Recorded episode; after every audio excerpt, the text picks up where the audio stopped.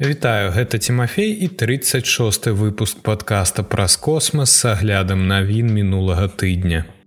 Сёння раскажу пра Virgin галактик, якая ўпершыню ў гісторыі ажыццявіла камерцыйны запуск субарбітальнага касмічнага самалёта, пра тое, як навукоўцы злавілі гравітацыйна-хвалёвы фон сусвету, шып 25 і статычнае агнявое выпрабаванне ды іншым. Давайте пачынаць.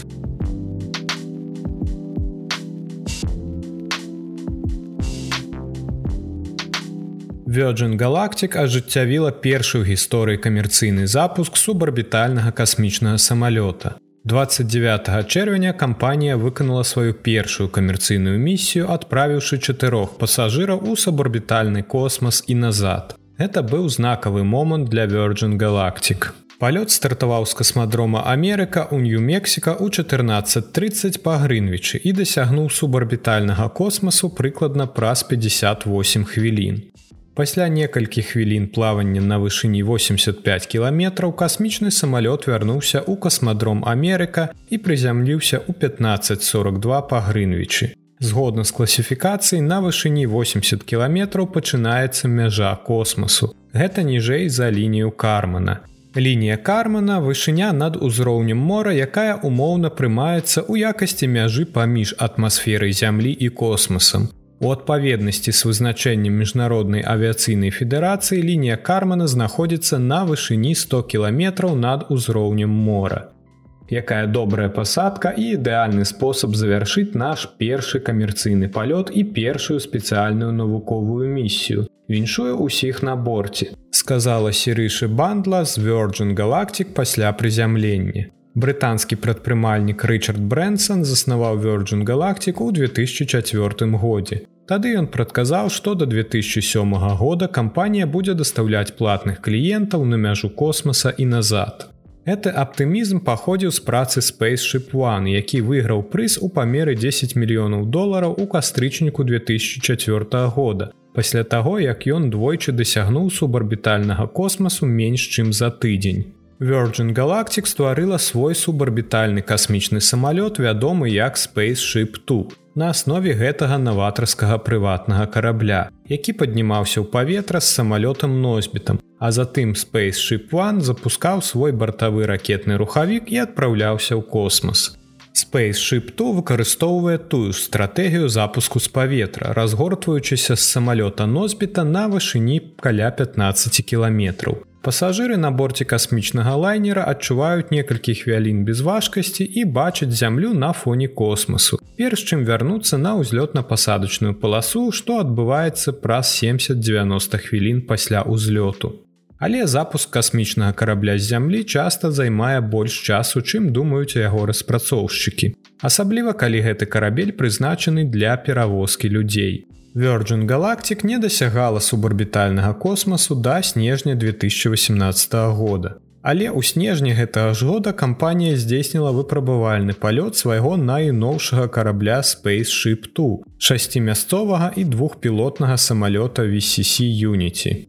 Таксама Юніці зноў здзейсніў паездку ў рамках выпрабавальных палётаў у лютым 2019 года у траўні і ліпені 2021 года. Затым Virgin Galactic вывела Spaceship ту і яго самалёт носьбіт са строю амаль на два гады, выконваючы работы па тэхнічным абслугоўванні і мадэрнізацыі. Абноўленыя касмічныя апараты зноў падняліся ў неба 23 траўня сёлета, дасягнуўшы субарбітальнай прасторы падчас выпрабавальнага палёту. Пасля гэтага поспеху Virgin Galactic абвясціла, што гатова прыняць сваіх першых кліентаў і пачала падрыхтоўку да місіі, якая кампанія назвала Galactic One. Заказчыкамі Galactic One былі ваенна-паветраныя сілы Італіі і нацыянальна-даследчая рада Італіі, якія яшчэ ў 2019 годзе замовілі палёт Spaceship тут для субарбітальных даследаванняў. Гэтыя дзве арганізацыі прызначылі на борт Юніці трох чалавек. 29 чэрвеня у палёце тройца несла розныя навуковыя абсталяванні. Напрыклад, адзін з каманды насіў гарнітур для біяметрычных дадзеных, якія адсочваюць, як яго цела рэагуе на мікрагравітацыю. 29 чэрвеня у салоне юніці таксама быў чацвёрты пасажыр. Гэта інструктор астранаўт Virgin галактик Колін Беннет які ацаніў вопыт палётаў італьянскага трыо каб праінфармаваць кампанію аб далейшых дзеяннях. Это быў другі касмічны палёт для Беннета Галактик One гэта толькі пачатак, калі ўсё пойдзе па плане Virgin Galactic. Кампанія паведамляе, што сотні людзей забраніравалі паездку на борце Spaceship Tube па кошце 450 тысяч долараў за месца. Virgin Galactic імкнецца падняць гэтых кліентаў як мага хутчэй. Другі камерцыйны рэйс Галактик 2 намечаны на пачатак жніўня. І з гэтага моманту кампанія плануе запускаць юніці штомесяц. Але канчатковая мэта яшчэ большая высокая частота, якая дасягаецца з дапамогай флоту касмічных самалётаў і караблёў носьбітаў, якія цяпер будуе Virgin Galactic. Па словах прадстаўнікоў кампаніі новы касмічны карабель класа Дельта зможа лётаць адзін раз у тыдзень. Пасля таго, як транспартныя сродкі Дельта з'явяцца ў сетцы, што запланавана на 2026 год, Virgin Galactic патэнцыйна зможа штодня дастаўляць кліентаў у космас з розных месцаў па ўсім свеце. Virgin Galactic не адзіная кампанія, якая спрабуе зрабіць гэта. Blue Origin Джефа Безаса таксама дастаўляе кліентаў у сабрабітальны космас з дапамогай шматразовай камбінацыі ракеты і капсулы пад назвай New Shepard. На сённяшні дзень Blue Origin здзейсніла 6 касмічных місій з экіпажам, але кампанія не пакідала зямлю з верасня 2022 года. Калінію Шепард сутыкнуўся з анамалій падчас даследчага палёту без экіпажа.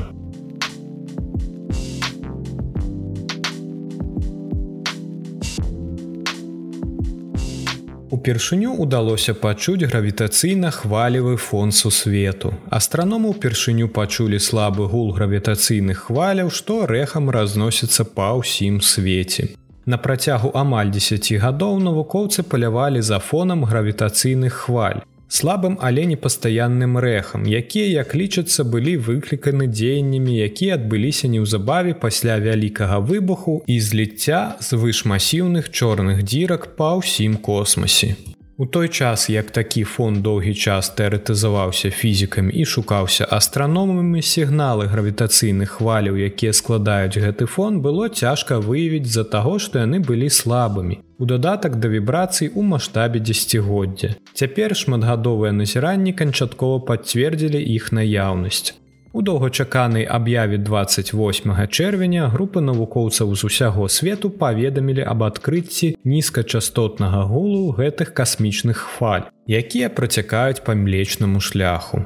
Хоць астраномы дакладна не ведаюць, што выклікае гул, выяўлены сігнал з'яўляецца пераканаўчым доказам і адпавядае тэарэтычным чаканням гравітацыйных хваль, якія ідуць ад самых масіўных чорных дзірак ва ўсім сусвеце, сказаў Стывен Тейлор, астрафізік гравітацыйных хваляў з універсітэта ў Тэнесе, адзін з кіраўнікоў даследавання.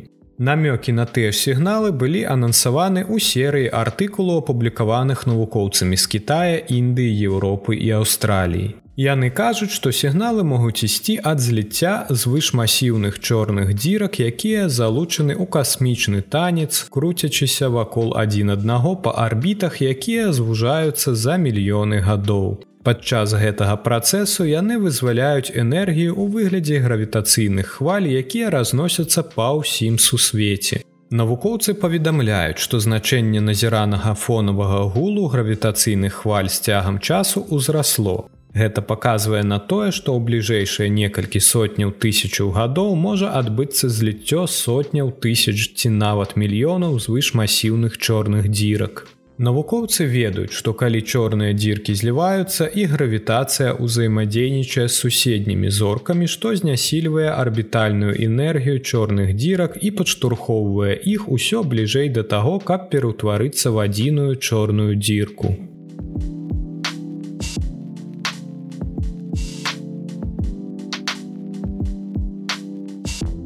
Шып 25 завяршыў статычнае агнявое выпрабаванне з шасцю рухавікамі на Старбейс у Техасе. Усе шэсць рухавікоў раптар на базе выпрабавальнага карабля старшып, вядомага як шып 25 загарэліся прыкладна на 5 секунд у панядзелак увечары 26 чэрвеня. Шып 25 рыхтуецца да другога выпрабавальнага палёту. Падчас першага палёта, які адбыўся 20 красавіка, старшып прыляцеў амаль 40 кіламетраў ад пляцоўкі SpaceX Starbase у паўднёвым Техасе. Але дзве яго прыступкі не змаглі падзяліцца, як планавалася. SpaceX адправіла караблю каманду на самазнішчэнне, якая ўступіла ў сілу прыкладна праз 4 хвіліны палёту. Выпрабаванні ў панядзелак, здаецца, прайшлі добра. У аўторак днём 27 чэрвеня SpaceX апублікавала ў твиттары здымкі, зробленыя напярэдадні і яны падкрэсліваюць магутнасць, якая генеруецца рухавікамі старship. Акрамя гэтага SpaceX уносіць больш за тысячу змен у старship перад наступным запускам. Такім чынам мы ўнеслі свайго рода апошнюю змену, якая сапраўды вельмі важная для таго, як працуе падзел прыступак. А менавіта мы будзем выкарыстоўваюць гарачую пастаноўку ход стейжн, сказаў маск. Пры гарачай пастаноўцы рухавікі на верхняй прыступцы транспартнага сродку пачынаюць працаваць до таго, як рухавікі на першай прыступцы паскаральніка завяршаюць працу. Па словах маска гэтая стратэгія, якая звычайна выкарыстоўваецца на расійскіх ракетах, павінна павялічыць прапускную здольнасць карабля старship прыкладна на 10соткаў. Аднак рашэнне выкарыстоўваюць гарачую пастаноўку запатрабавала шэрагу змен у дызайне старship. Звыш гарачая плазма ад рухавікоў верхняй прыступкі павінна кудысьці дзявацца, сказаў маск. Такім чынам мы дадаем пашырэнне для паскаральніка, якое ў сутнасці амаль цалкам складаецца з вентыляцыйных адтулін. Так што гэта дазваляе шлейфу рухавіка верхняй прыступкі праходзіць праз свайго роду вентыляванае пашырэнне паскаральніка, а не проста выбухнуць. Запуск 20 красавіка таксама нанёс значную шкоду арбітальнай стартавай пляцоўцы на базе Starbase, аб'екце SpaceX для ўзбярэжжа мексіканскага заліву ў паўднёвым Техасе. Кампанія працуе над ремонтам гэтай пляцоўцы і абаронай ад падобных пашкоджанняў пры будучых запусках. Напрыклад, SpaceX залівае каля тысячи кубічных метраў армаванага высокатрывалага бетону, Па словах маска кампанія таксама усталёўвае там сталёвую пласціну, якая выкідвае ваду. Пласціна галоўным чынам падобная на гіганцкую перавернутую насадку для душа. Цяпло будзе сыходзіць ад 33 рухавікоў раптар на першай прыступцы старship гіганцкага паскаральніка, які кампанія называе суперхэві. Верхняя прыступка касмічнага карабля вышынёй 50 метраў вядомая як старship абсталявана шасцю раптарамі. Па словах маска старship, які падняўся ў паветра два красавіка быў абсталяваны рознымі раптарамі, якія былі свайго роду салянкай. Зборкай розных раптараў, якія SpaceX тэставала на працягу ўсяго года. Старship, які рыхтуецца да наступнага палёта, будзе абсталяваны больш уніфікаванымі рухавікамі з некалькімі невялікімі, але важнымі паляпшэннямі. Напрыклад, новыя раптары маюць палепшаную канструкцыю калектара гарачага газу, а таксама больш высокі круцячы момант. Запуск 20 красавіка быў накіраваны на тое, каб разгонны блок старship праляцеў частку вакол зямлі, скончыўшыся прывадненнем у ціхам акіяне недалёка ад гаваяў. Па словах маска наступны старт будзе пераследаваць тыя ж мэты. Паводле яго слоў пляцоўка і наступны карабель старship, які складаецца з прататыпаў пад назвай бустер 9 і шип 25 павінны быць гатовы да запуску прыкладна праз 6 тыдняў. Але SpaceX не цалкам кантралюе часовую шкалу. Напрыклад, кааліцыя экалагічных груп у цяперашні час падае ў суд на федэральнае авіяцыйнае кіраванне ЗША, сцвярджаючы, што агенцтва не ацаніла належным чынам шкоду, якую запускі зоркалётаў могуць несці навакольнаму асяроддзю і супольнасці паўднёвага Техаса.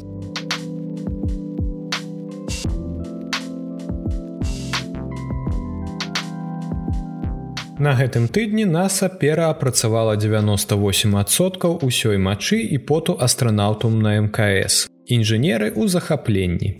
Астранаўты на борце міжнароднай касмічнай станцыі дабіліся 98соткавага аднаўлення вады ў выніку прарыву з новым метадам Дасягненне рэцыркуляцыі вады з'яўляецца важным этапам для нізкаарбітальных касмічных місій, якія накіраваны на забеспячэнне асноўных патрэб астранаўтаў без місій папаўнення запасаў. Гэта азначае пераапрацоўку ці рэгенерацыю такіх рэчаў, як ежа, паветра і вада.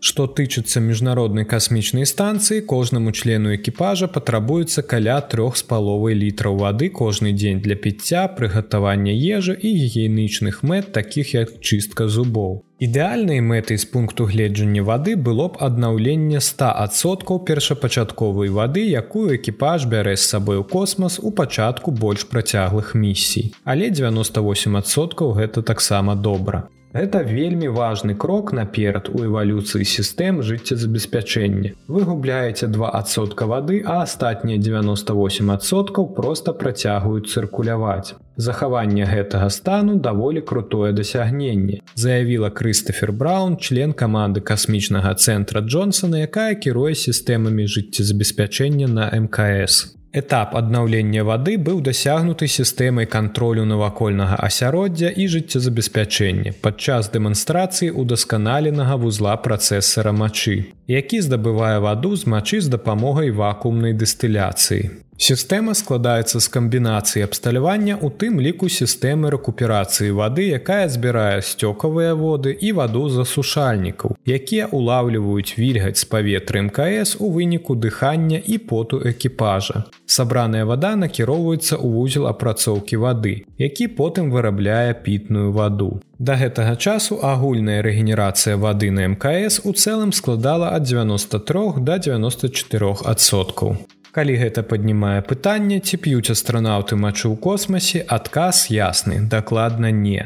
Апрацоўка ў асноўным аналагічная некаторым наземным сістэмам размеркавання вады, толькі што пабудавана яна ва умовах мікрагравітацыі. Экіпаж п'е ваду, якая была ачышчана, адфільтравана і такім чынам яна чысцей, чым тая, якую п'ем мы тут на зямлі. Сістэмы па ачыстцы і рэцыркуляцыі вады на мкС праходзяць дбайныя выпрабаванні, каб пераканацца, што яны працуюць належным чынам і прадэманстраваць, што кожны элемент можа функцыянаваць на працягу доўгага часу, не патрабуючы вялікага аб'ёму тэхнічнага абслугоўвання ці замены запасных частак. Этап у 98соткаў з'яўляецца станоўчым момантам для будучых касмічных місій, падчас якіх астранаўты будуць праводзіць больш часу ў космасе падчас працяглага знаходжання на паверхні месяца і місіі з экіпажам на Марс. Рэгенератыўныя сістэмы становяцца ўсё важнейшымі па меры таго, як мы выходзім за межы нізкай калязямной арбіты. Немагчымасць папаўнення запасаў падчас даследавання азначае, што мы павінны мець магчымасць аднаўляць усе рэсурсы неабходныя экіпажу ў гэтых місіях. Чым менш вады і кіслароду мы павінны даставіць, тым больш навукі можна дадаць да ракеты носьбіта.